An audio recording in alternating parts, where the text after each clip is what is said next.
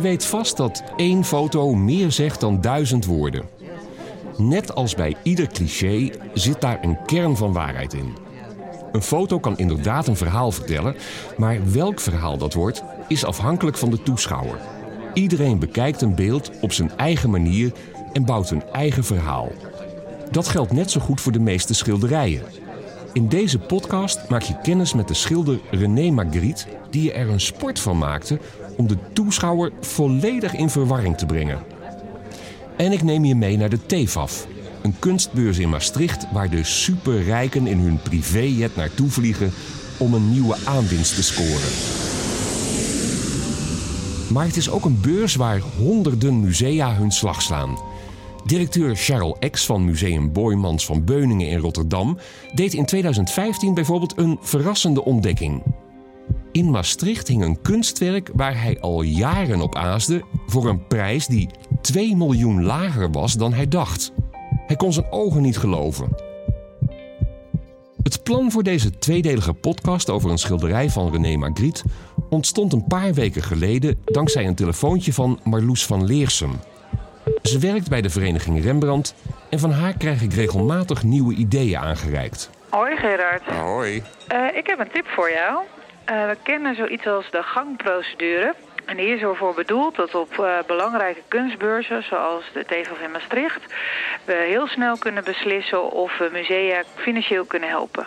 En dan gaat het meestal om best een bedrag en een heel korte tijdspan, want daar lopen ook privéverzamelaars rond uh, van over de hele wereld, die ook in diezelfde week uh, eventueel hetzelfde werk zouden willen verwerven. Dus in plaats van maanden van aanvragen en fondsen werven, moeten ze het dan heel snel kunnen beslissen. En om ze daarbij te helpen, zorgen we ervoor dat dan het hele bestuur aanwezig is, zodat we ze meteen kunnen vertellen of we ze financieel kunnen helpen. Mijn naam is Gerard Oonk en dit is Eenmaal Andermaal met Margriet en de Grote Verwarring. Een podcast van de Vereniging Rembrandt, gemaakt door BNR. Over bijzondere kunstvoorwerpen en hun reis naar het museum. In deel 1 van dit tweeluik, Margriet en het snelle geld, heb je kunnen horen hoe die gangprocedure van de Vereniging Rembrandt werkt. Ik kom daar later nog even op terug. Maar eerst wil ik je wat uitgebreider kennis laten maken met het bijzondere schilderij van René Magritte dat Museum Boymans dankzij een snelle subsidietoewijzing kon aanschaffen. Kunsthistoricus Karel Blotkamp beschrijft het kunstwerk. Het schilderij dat Boymans heeft verworven een paar jaar geleden, dat heet Le Miroir Vivant, de levende spiegel. En ik snap eerlijk gezegd absoluut niet waar het op slaat als ik naar het beeld kijk. En dat was denk ik ook de bedoeling. Want wat je op het beeld ziet is ook eigenlijk best vreemd. Het zijn vier grote witte vlekken tegen een zwart veld. Het is eigenlijk vrij onduidelijk of het nog gaten zijn in een zwart uh, iets... of dat het uh, juist meer wolkachtige dingen zijn die ervoor zweven. Dat is allemaal vrij onduidelijk. Hè? Dus de, zonder dat er nou een illusie van echte wolk is gegeven... heb je toch een beetje wel een wolkige associatie. En die dienen als achtergrond voor vier korte tekstjes, woorden, teksten die met z'n vieren ook heel, helemaal onderling geen verband hebben. Dus in het Frans staat er, uh, ik moet even erbij pakken, persoon die in lachen uitbarst, horizon, klerenkast en kreten van vogels.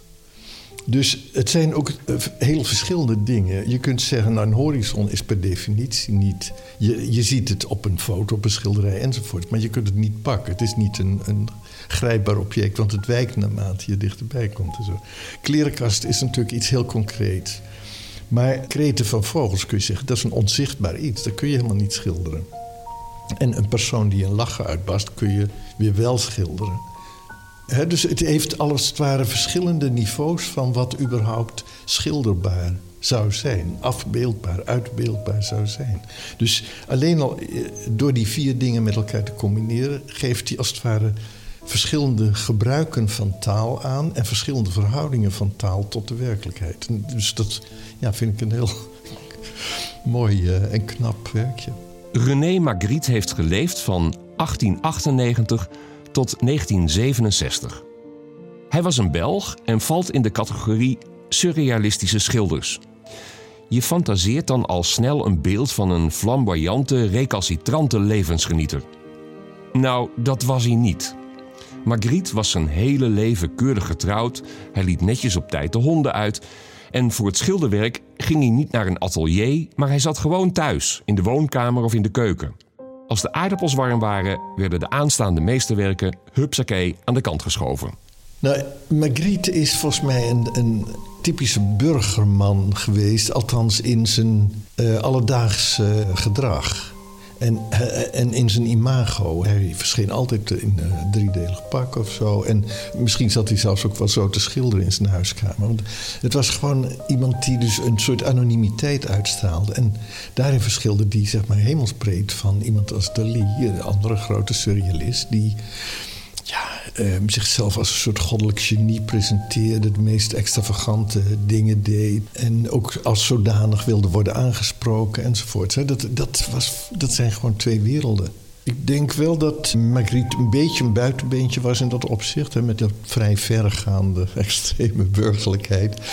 Uh, want de meeste uh, surrealisten hielden wel van iets bijzonders en iets geks en extremiteit. Ik bedoel, uh, veel zelfmoorden in de, onder surrealistische kunstenaars en zo. Hè. Dus alles werd in heel extreme mate beleefd. En dat is bij Magritte allemaal niet aan de orde. Die zat gewoon keurig in Brussel in zijn appartement. Het blijft bijzonder dat zo'n grijze burgerman ons met zijn kunstwerken voortdurend in de luren legt. Je weet eigenlijk nooit wat je precies ziet. En zelfs als je denkt dat je het weet, wordt dat gelogenstraft. Waarschijnlijk ken je het bekendste schilderij van Magritte wel. Er staat een zeer realistisch geschilderde pijp op, met daaronder de tekst: Dit hier is geen pijp. En je bent terug bij af. Ook het schilderij Le Miroir Vivant zorgt voor een vergelijkbare vervreemding. Dat geldt voor de wolkachtige vlekken. Wat zijn dat eigenlijk? Voor de teksten in schoolschrift. Wat wordt ermee bedoeld? Maar ook voor de titel. Hoezo spiegel? Hoezo levend? De titels was uh, ook een heel belangrijk fenomeen voor me. Een schilderij zonder titel, dat was gewoon ondenkbaar voor me. Ze hebben allemaal een titel. En die titel is eigenlijk een soort verwarrende factor nog weer aan het geheel. Het beeld is al verwarrend dat je afvraagt: hoe zit het met de illusie van diepte of uh, het verschil van dag en nacht en dat soort dingen. Al, al die vreemde uh, situaties die die creëert. Maar de titel moet er eigenlijk nog een soort iets aan toevoegen en moet vooral niet uh, rechtstreeks benoemen wat je ziet.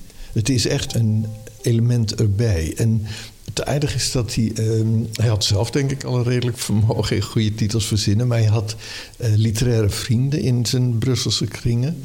waar hij dopenavondjes mee organiseerde. Dus als hij weer tien schilderijen had gemaakt... dan moesten die op een avond ongetwijfeld met wat drank erbij gedoopt worden.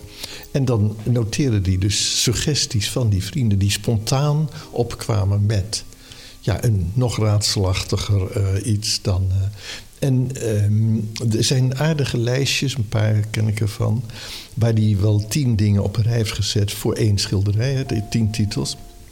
Dan, um, dan schrijft hij ook over, ja, dat en dat vind ik niet zo geschikt toch. En hij, het is een kwestie van wegstrepen tot hij dan de ideale overhoudt. En er zijn ook wel situaties geweest dat hij na een jaar nog weer een titel veranderde. Nou, maak er maar chocola van. Een keurige burgerman die in zijn keuken onbegrijpelijke schilderijen produceert en aan zijn vrienden vraagt om er een titel bij te verzinnen. Liefst één die kant nog wal raakt. Kunsthistoricus Karel Blotkamp heeft er wat langer over nagedacht en schat in dat Magritte ons toch echt iets duidelijk wilde maken. Magritte's hele oeuvre draait om de vreemdheid van hoe we in de wereld staan als mens. Het lijkt hè, dat, dat je in je gewoontes en in je dagelijks leven en in je baantje en in je huwelijk, dat het allemaal marcheert en logisch in elkaar zit. Maar er hoeft maar dat te gebeuren en de boel stort in elkaar en dat laat hij eigenlijk zien. Het gesprek met Karel Blotkamp vindt plaats in zijn woning aan een Utrechtse gracht.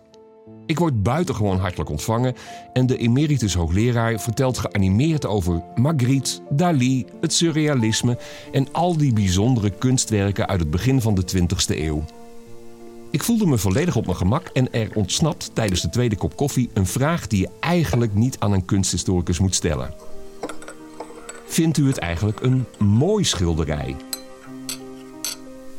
Mooi vind ik niet helemaal het. Dat is niet het eerste woord wat bij me opkomt als ik dat schilderij zie. Maar eerlijk gezegd is dat voor mij helemaal niet zo belangrijk bij kunst. Of het mooi is of niet. Ik vind een veel belangrijker criterium dat het adequaat is. Gedaan is op een manier die past bij het onderwerp, bij wat je er als kunstenaar mee wilt uitdrukken. En dat vind ik hier bij uitstek het geval. Het is heel adequaat. Het is gewoon recht toe recht aan en zonder versieringen, zonder virtuoos geschilder. Perfect.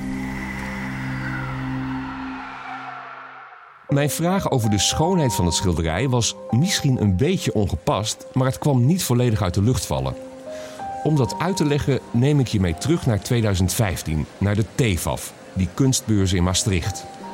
Directeur Charles X van Museum Boymans heeft zojuist de verrassing van zijn leven gehad. Hij ziet namelijk geheel onverwacht de levende spiegel hangen.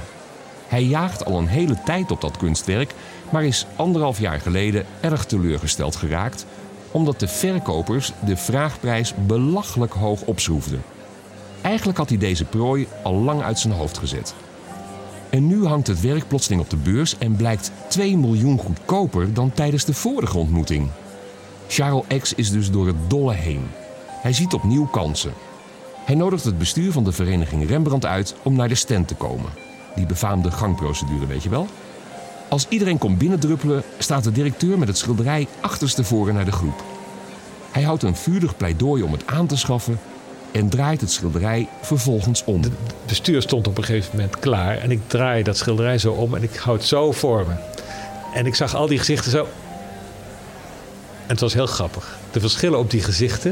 Ik denk dat, dat de gangpadprocedure toen voor nou, misschien de eerste of tweede, de derde keer is uitgetest. Maar ze moeten wel nog een beetje oefenen op wat hun eerste gezichtsuitdrukking uh, laat zien. Want dat bemoedigde mij niet, laat ik het zo zeggen. Maar um, er waren ook een aantal mensen die wel meteen enthousiast bleken. Dus ik zag ook meteen de dynamiek in die jury, want het is gewoon een jury. En het grappige was dat ik vervolgens um, daar ter plekke heb onderhandeld met de voorzitter, die het woord nam. En die zei: Nou ja, wat vind je? Ik zei: Ja, wij kunnen dit alleen maar doen. Uh, en ik, dan heb ik dus de tabellen in mijn hoofd. Als u een bedrag van ongeveer uh, een derde van de vraagprijs kunt gaan bijdragen.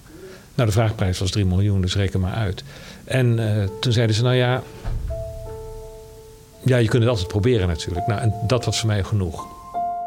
Directeur X is weer terug in de race. Hij kan het schilderij uiteindelijk ook echt mee naar het museum nemen. Als ik hem vraag of hij blij is met zo'n onconventionele subsidieprocedure, dan antwoordt hij genuanceerd. De gangpadprocedure is ontzettend leuk, maar het geeft niet de zekerheid die het woord aanduidt. Want je zit dan wel degelijk ook nog vaak aan een gewone aanvraag vast, zoals bij mij ook is gebeurd. En overigens, op het moment dat je zoiets hebt, kun je ook altijd met het Mondriaan Fonds bellen. Je kunt ook altijd met een aantal andere fondsen bellen. Dus er is bij elk fonds is er uiteindelijk, als je dat voldoende inschat en het ook aannemelijk kunt maken, is er altijd snelheid mogelijk. Dus je kunt een hele lange weg bewandelen en dan gaat het prima en degelijk en zoals de molens draaien. Maar als je zegt er is urgentie in het spel, het stuk gaat het land uit, er is een andere koper, ik heb een optie van maar zoveel dagen dan kun je dat bij elk fonds kun je dat doen, maar nooit in het gangpad. Want meestal zijn de leden van Rembrandt ook de connoisseurs die rondlopen en de kijkers die zich uh, geen enkele verrassing willen laten overkomen, maar alles gezien willen hebben en dat soort dingen. Dus Rembrandt heeft wel een hele grote parate aanwezigheid en dat is natuurlijk uniek. Mijn oorspronkelijke aanname dat iedere subsidieaanvraag tergend langzaam verloopt, blijkt dus niet waar. Een museumdirecteur kan blijkbaar redelijk snel een toezegging van een fonds krijgen als hij de urgentie van de aanvraag maar duidelijk kan maken. En die gangprocedure biedt extra kansen omdat een heel bestuur vol deskundigen aanwezig is om meteen een oordeel te vellen. Mocht je nou toevallig willen weten hoe de vereniging Rembrandt aan al dat geld komt, dan heb ik dat voor je nagevraagd. De club heeft ongeveer 16.000 leden die lidmaatschapsgeld betalen. Daar komen dan nog eens flink wat erfenissen bovenop en ook donaties van bijvoorbeeld het Prins Bernhard Cultuurfonds. Al met al genoeg om de laatste 10 jaar zo'n 35 miljoen euro weg te geven aan musea die hun collectie willen uitbreiden. Laten we deze tweede aflevering over Margriet en de gangprocedure afsluiten met twee uiterst tevreden mensen. Te beginnen met de voorzitter van de vereniging Rembrandt, Arend Fok. Hij kijkt trots terug op de TFAF in 2015. Als ik daarover nadenk, dan denk ik dat de beste gangprocedure die ik zelf heb meegemaakt, is inderdaad dit schilderij. Het was fantastisch om allemaal naar deze stand te komen en een Magritte te ontdekken waarvan wij wel het bestaan wisten, maar dat hij opeens op de TFAF hing en dat het ons gelukt is om die te kunnen steunen. Dus ik denk dat dit de mooiste was. En dan de man die jaren heeft gehoopt dit schilderij aan te kunnen schaffen voor zijn museum. Charles X, gepassioneerd verzamelaar. Luister maar eens naar de andere aflevering, Magritte en het snelle geld. De directeur vertelt daarin dat hij wel haast depressief wordt als een aanschaf mislukt. Maar ook dat hij schilderijen, zoals deze Magritte, gaat zien als een kind. Je kunt zijn enthousiasme over deze aankoop dus wel bijna voorspellen. Dagelijks blij. Altijd als ik het zie, springt er iets in mijn hart. Ik spring even over. Het is geweldig. Dit was een van de twaalf afleveringen van een podcastserie over bijzondere kunstvoorwerpen en hun tocht naar de museumzaal. Eenmaal andermaal is een initiatief van de Vereniging Rembrandt, gemaakt door BNR. Luister ook naar de andere elf afleveringen.